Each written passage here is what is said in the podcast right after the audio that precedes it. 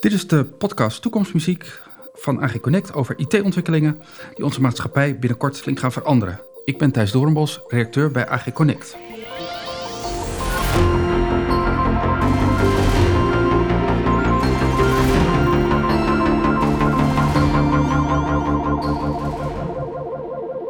Hallo, leuk dat je de podcast Toekomstmuziek van AG Connect weer hebt gevonden.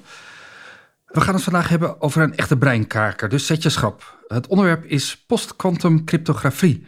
Denk nou niet meteen, dat is niks voor mij. Het is echt een actueel probleem. En het gaat er eigenlijk over hoe je gegevens veilig gaat versturen en opslaan, nu, maar ook straks als de quantumcomputer er is. Ronald Kramer, hoogleraar cryptologie aan de Universiteit Leiden en een van de onderzoeksleiders van het Centrum van Wiskunde en Informatica, gaat ons vertellen over welke technologie er wordt ontwikkeld om een antwoord te geven op dit probleem. Maar eerst spreken we met Maram van Hees. Zij is kwantumspecialist bij TNO in Delft. Zij vertelt waarom het zo belangrijk is om daar nu al mee bezig te zijn en wat je zo al kan doen. Post-quantum cryptografie, dat moet wel iets te maken hebben met de quantumcomputer. Soms uh, denk je dan van, uh, jeetje, dat is uh, ver van mijn bed misschien. Maar laten we eerst maar eens kijken wat zo'n zo'n quantumcomputer gaat doen. Wat is dat ook alweer, een quantumcomputer? Dat is geloof ik zo'n ding wat na verloop van tijd sommige dingen beter kan dan de computers die we nu kennen. Waarom moet je er dan nu al rekening mee houden? Wij hebben hier in de studio Maran van Hees, quantumspecialist bij TNO. Ja, Maran, zou jij uit kunnen leggen wat dan nu precies het probleem is? Ja, zeker. De quantumcomputer zoals je beschrijft is een nieuw type computer eigenlijk... die inderdaad sommige dingen beter zal gaan doen dan we nu klassiek kunnen. Denk bijvoorbeeld aan uh, het oplossen van optimalisatieproblemen... en eventueel toevoegingen geven aan de huidige kunstmatige intelligentie. Het jammer alleen is dat we zeker weten dat wanneer die computer sterk genoeg is... die ook in staat zal zijn om sommige van de meest gebruikte cryptografie te breken. Dus daar moeten we iets mee. En wanneer denk je dat dat gaat spelen? Nou, die technologie is nog in een ontwikkelende fase, dus hij is nog niet zo ver. Uh, we hebben nu uh, nou, orde grootte 100 qubits. En voor het echt breken van cryptografie hebben we er misschien wel uh, miljoenen nodig. Dus het zal nog wel even duren qua technologische ontwikkeling... eer die computer echt cryptografie kan breken.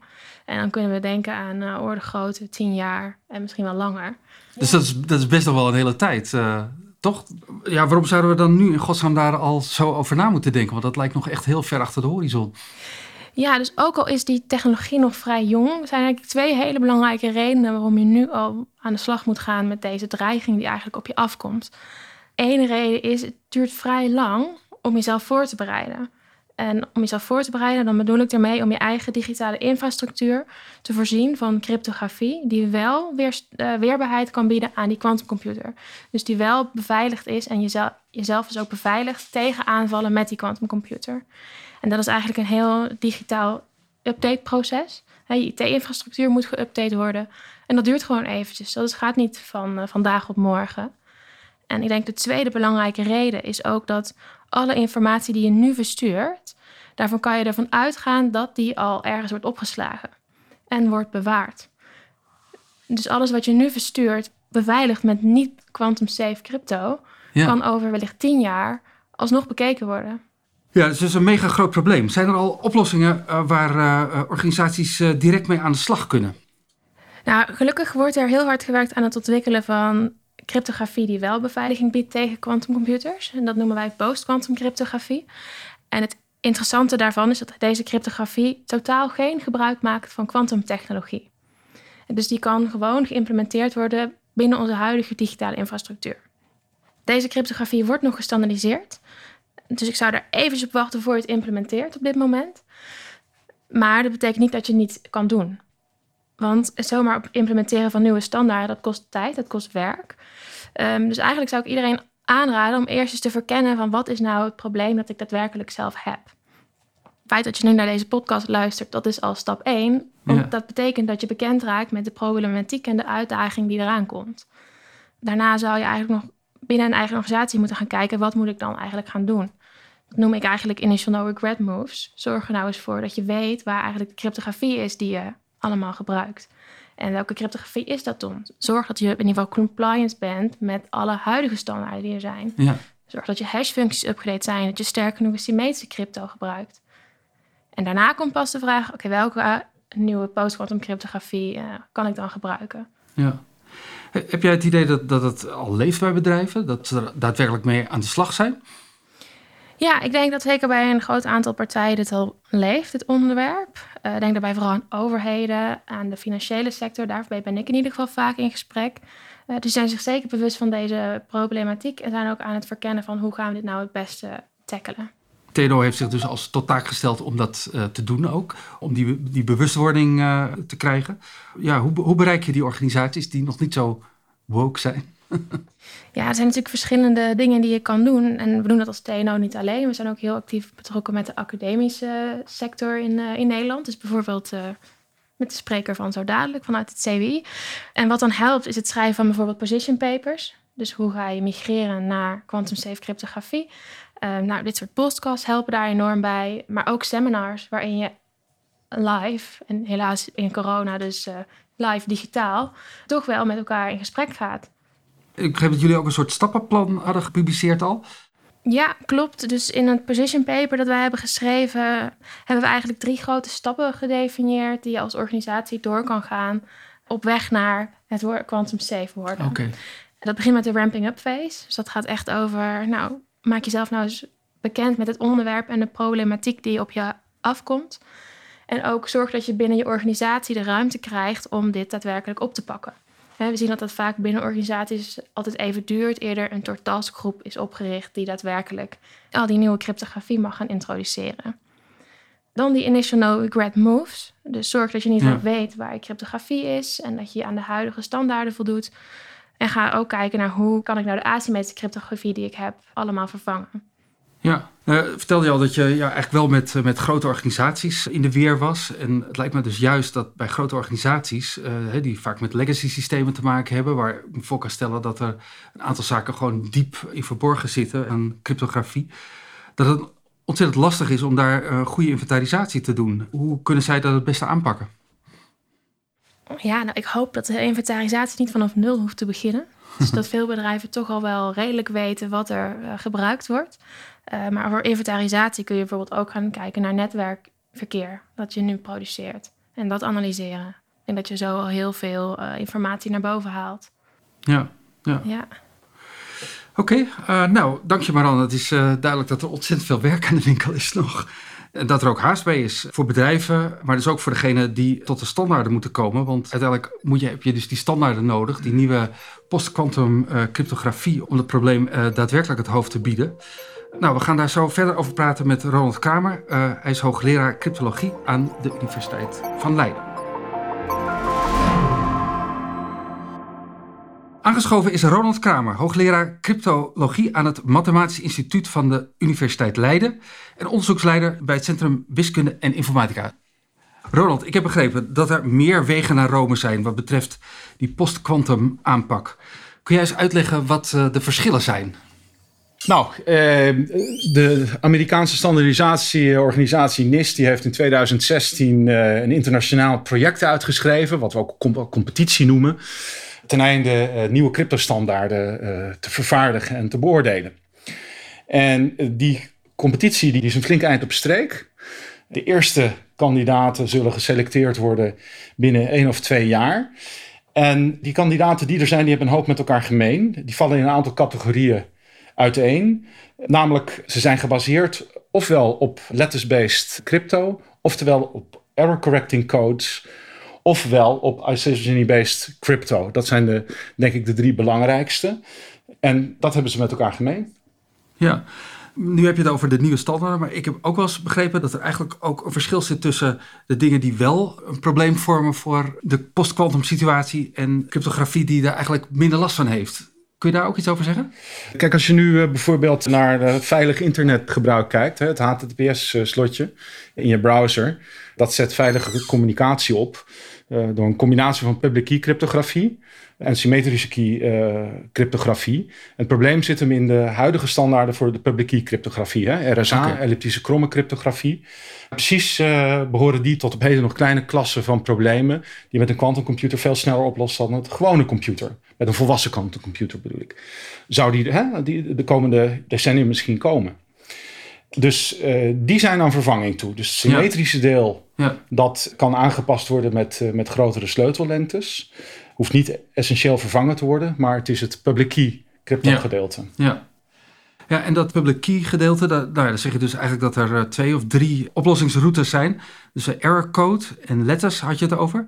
Kun je een beetje in lekentaal uitleggen wat dat precies inhoudt? Ik wil eerst nog even eh, een verfijning uh, maken op wat ik eerder zei. Ik heb het in mijn eerdere antwoord over die verschillende platforms, met name over de publieke encryptie, maar je hebt ook digitale handtekeningen. Dat is een tweede categorie, net zo belangrijk eigenlijk. En daar heb je ook nog uh, hash-based systems. En er wordt ook nog gesproken over multivariate polynomial systems. Dus er zijn nog een paar platforms bij. Die platforms als zodanig, die zijn allemaal al behoorlijk oud. Ja. Sommige heel oud en sommige in ieder geval minimaal tien jaar oud. Ja. Kun je een beetje uitleggen wat bijvoorbeeld error code is? Ja, uh, ja dat is uh, error correcting codes. Nou, dat, is de, dat, dat klinkt misschien uh, de meeste mensen als totaal ver weg in de oren. Maar eigenlijk hebben we er allemaal ervaring mee, zonder vaak er bewust van te zijn. Namelijk als je nog denkt aan de compact disc of de DVD. Hè? Veel mensen hebben misschien nog thuis staan. Maar iedereen weet nog dat als je daar een kras op zet dan kun je hem daarna toch gewoon afspelen en dan merk je helemaal niks. Geen tikken op de plaat of zo, zoals je vroeger met langspeelplaten had. Je merkt helemaal niets van die kras. Nou goed, error correcting codes die zijn er dus uh, om redundantie aan informatie toe te voegen, zodat als er een niet al te grote storing is, je de oorspronkelijke informatie terug uh, kunt krijgen. Die worden dus heel veel in communicatie gebruikt, maar voor de gewone gebruiker was dat vooral merkbaar bij de DVD en de CD. Dus dat weten we allemaal. Maar hoe werkt dat nou? Eigenlijk uh, moet je denken aan een, uh, aan een hele hoogdimensionale ruimte. De ruimte waarin we ons begeven, hè, die zijn, zou ik zeggen, driedimensionaal, als je zo wilt. Hè, voor sommigen misschien is het mensen tweedimensionaal of eendimensionaal, maar in ieder geval maximaal drie. Ja. Of je moet misschien de tijd er nog bij nemen. Maar in ieder geval, het zijn eh, een klein aantal dimensies. Je moet denken aan, aan een veel groter aantal dimensies. En een ruimte die, die dus niet in de echte wereld zit, maar wel in de wiskundige wereld bestaat. En in zo'n hoogdimensionale ruimte probeer je op een slimme manier veel punten te plaatsen die regelmatig verdeeld zijn over die ruimte. Dat is een code.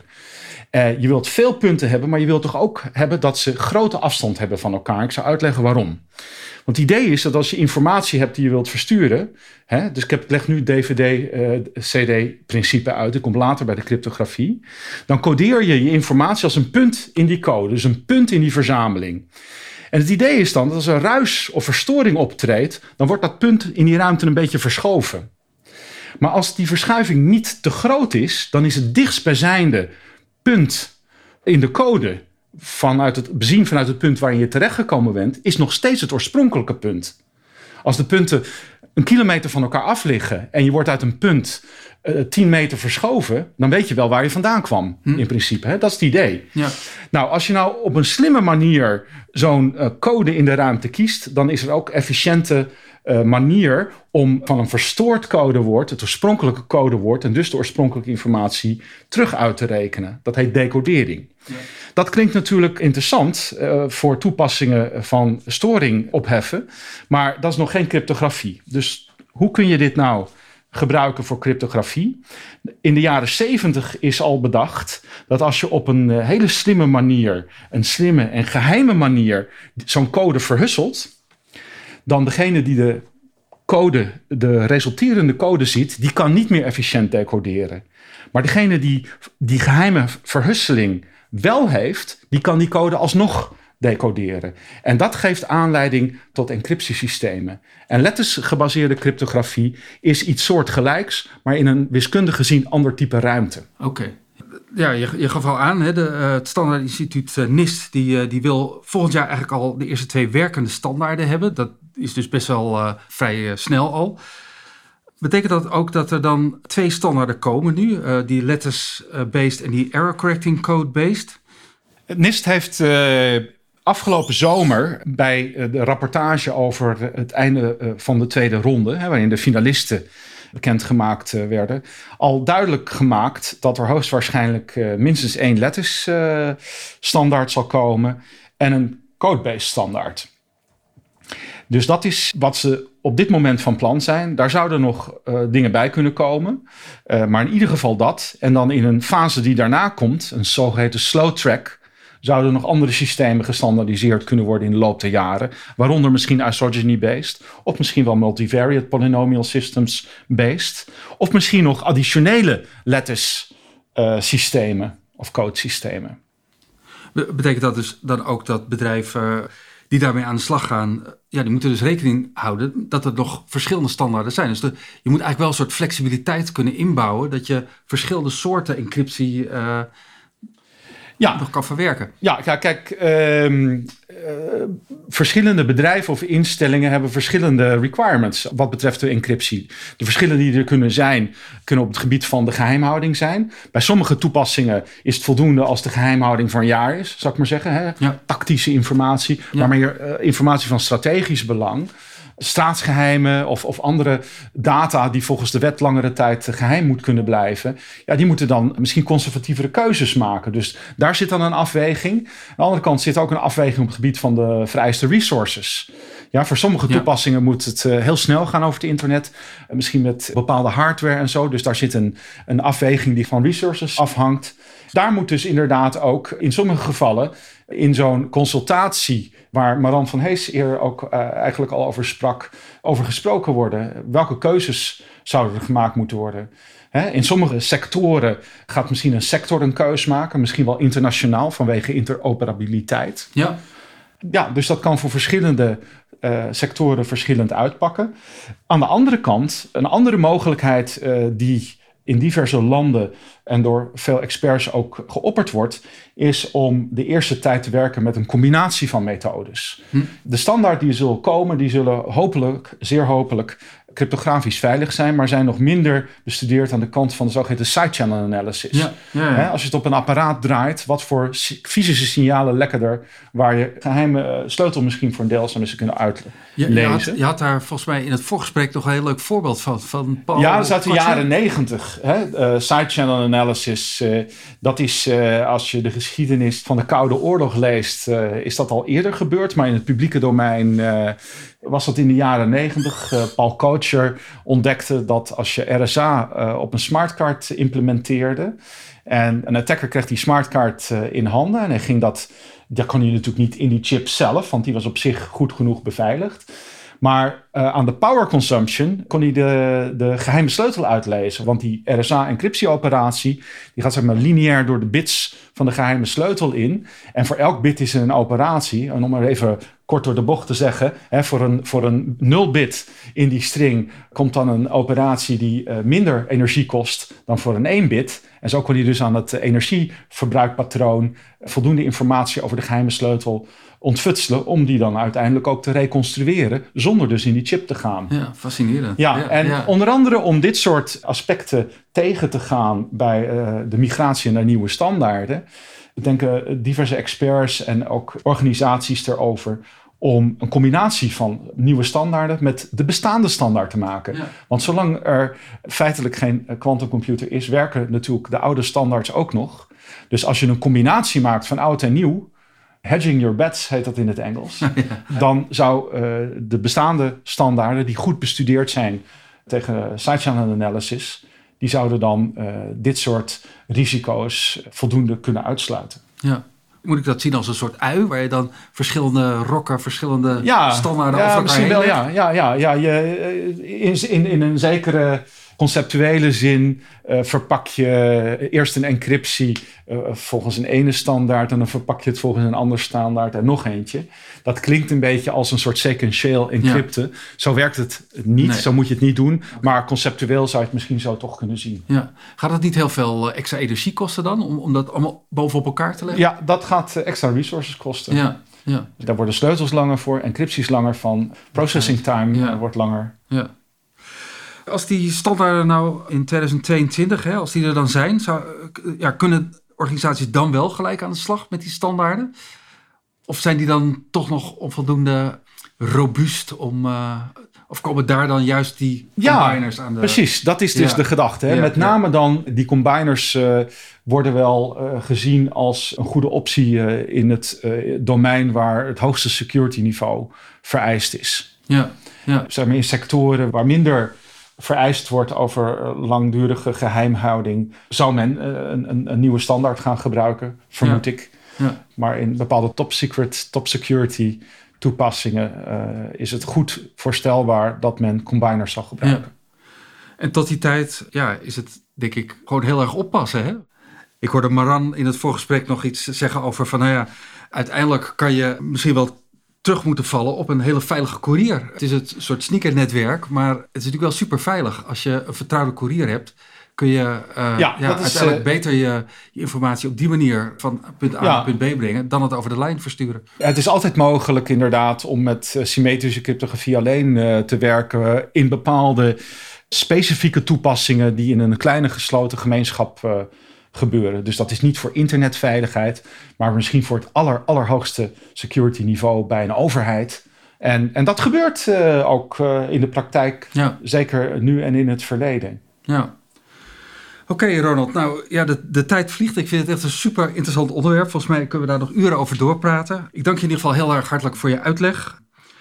Ja, en wil je er meer van weten? Kijk nog eens op de site van AG Connect. Daar komt ook een, uh, een achtergrondverhaal nog over dit onderwerp. Voor nu, tot ziens. Hartelijk dank voor het luisteren naar deze aflevering van de podcast Toekomstmuziek van AG Connect. Vond je het interessant? Kijk dan eens door de lijst met andere podcasts van AG Connect. Ook kun je op de site van AG Connect meer artikelen vinden over dit onderwerp. Ben je nog geen abonnee? Dan is daar ook de mogelijkheid een gratis proefabonnement af te sluiten. Tot de volgende aflevering.